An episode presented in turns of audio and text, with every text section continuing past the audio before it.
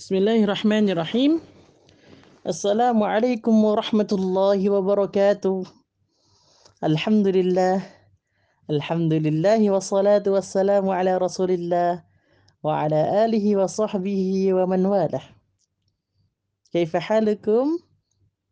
Bagaimana kabarnya hari ini? Santri-santri TPQ Ibn Abbas yang dirahmati Allah Subhanahu wa taala. Ustaz ucapkan Jumatan Mubarakah. Masya Allah, kita berjumpa kembali dalam pelajaran tarbiyah Qur'aniyah. Insya Allah pada kesempatan hari ini kita akan melanjutkan pembahasan kita di surat Al-Balad. Namun jangan lupa, marilah kita terlebih dahulu berdoa kepada Allah Subhanahu wa taala. Semoga Allah Subhanahu wa taala memberkahi majelis kita. Rabbi syrah li sadri wa yassir li amri wahlul 'uqdatam min lisani yafqahu qawli. Santri-santriku yang dirahmati Allah, Allah Subhanahu wa taala berfirman di dalam surah Al-Balad ayat yang ketujuh. Allah Subhanahu wa taala berfirman, "Ayahsabu allam yarahu ahad." Adik-adik masih ingat? Pada pertemuan yang lalu sudah kita bahas. Bahas apa itu? Allah Subhanahu wa taala menerangkan ada orang-orang yang punya harta tapi hartanya tidak digunakan untuk hal-hal yang disukai oleh Allah. Dia punya harta hartanya itu dihambur-hamburkan, dia gunakan untuk berfoya-foya, untuk melakukan hal-hal yang tidak disukai oleh Allah Subhanahu wa taala. Maka Allah Subhanahu wa taala sebut apa? Yaqulu ahlaktu malal lubada. Orang tadi berkata, "Nih loh, aku punya harta, hartaku sudah aku keluarkan. Hartaku aku gunakan." Tapi Allah Subhanahu wa taala bukan dengan kata ahlak itu, artinya ahlak itu binasa membinasakan harta yang banyak namun tidak digunakan untuk beribadah kepada Allah, harta tersebut dapat membinasakan pemiliknya nanti pada hari kiamat. Ya, adik-adik yang dirahmati Allah Subhanahu wa taala. Ayat yang ketujuh Allah menerangkan, Ayahsabu allam yarahu ahad. Orang tadi mengira ketika dia menggunakan harta tadi pada sesuatu yang dimurkai Allah Subhanahu wa taala. Dia gunakan harta tadi untuk bermaksiat. Dia gunakan harta tadi untuk melakukan perbuatan-perbuatan yang tidak baik. Dia mengira tidak ada satupun yang dapat melihat dia. Adik-adik, mungkin nggak Allah nggak lihat dia? Pasti adik-adik Allah Subhanahu wa taala melihatnya.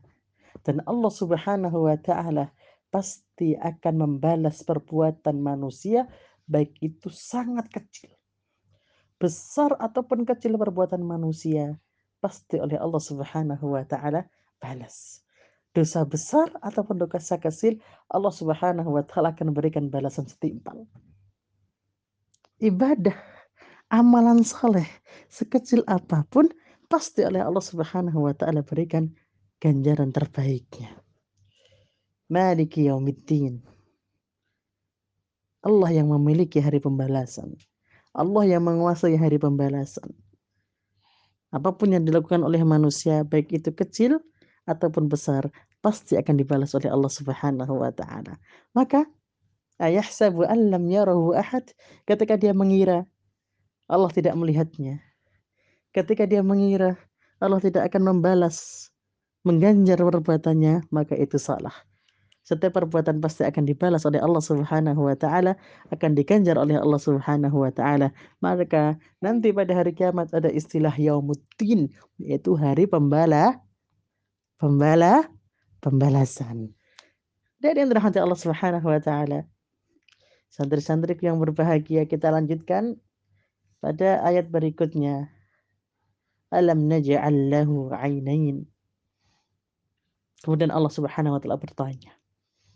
Mengingatkan tentang kenikmatan Allah Subhanahu wa taala kepada mereka. Alam naj'al lahu 'ainain. Bukankah Allah telah menjadikan baginya dua mata? Dua mata saya yang kiri dan kanan. Oh. Atau yang kanan dan kiri. Setiap dari kita Allah Subhanahu wa taala anugerahkan kepada kita mata yang cantik, mata yang indah, untuk melihat hal-hal yang diridhoi oleh Allah Subhanahu wa taala. Untuk melihat hal-hal yang indah di alam semesta ini, ketika kita melihat hal-hal yang indah di alam semesta itu semakin menambah keimanan kita kepada Allah Subhanahu wa taala. Ya, kita memiliki mata kita gunakan untuk merenungi ayat-ayat Allah Subhanahu wa taala, merenungi penciptaan-penciptaan Allah Subhanahu wa taala. Alam naj'al lahu 'ainain wa lisanan wa syafatain. Allah berikan kepada kita lidah, lisan dan Allah Subhanahu wa taala berikan kepada kita dua bibir yang cantik. Agar senantiasa kita menyebut nama Allah. Agar senantiasa kita membaca ayat Allah, ayat-ayat Allah Subhanahu wa taala. Ini Allah Subhanahu wa taala ingatkan. Ini nikmat yang ada pada diri kita yang Allah Subhanahu wa taala ciptakan kita dengan sangat sempurna, dua mata, dua telinga, satu hidung, satu lisan lidah, dan dua bi dua bibir, masya Allah. Ada-ada yang rahmati Allah Subhanahu Wa Taala, santri-santriku, maka kita harus ingat ketika kita membaca surat Al-Lahab, sekecil apa pun perbuatan yang kita perbuat, sekecil apa pun perbuatan yang kita lakukan, baik itu baik ataupun buruk, pasti akan diganjar oleh Allah Subhanahu Wa Taala. Dan ingatlah, kedua mata kita datang dari Allah. Kedua telinga kita adalah nikmat dari Allah. Lisan kita adalah nikmat dari Allah. Bibir kita adalah nikmat dari Allah. Kita syukuri dan kita gunakan untuk mendekatkan diri dan beribadah kepada Allah Subhanahu wa taala.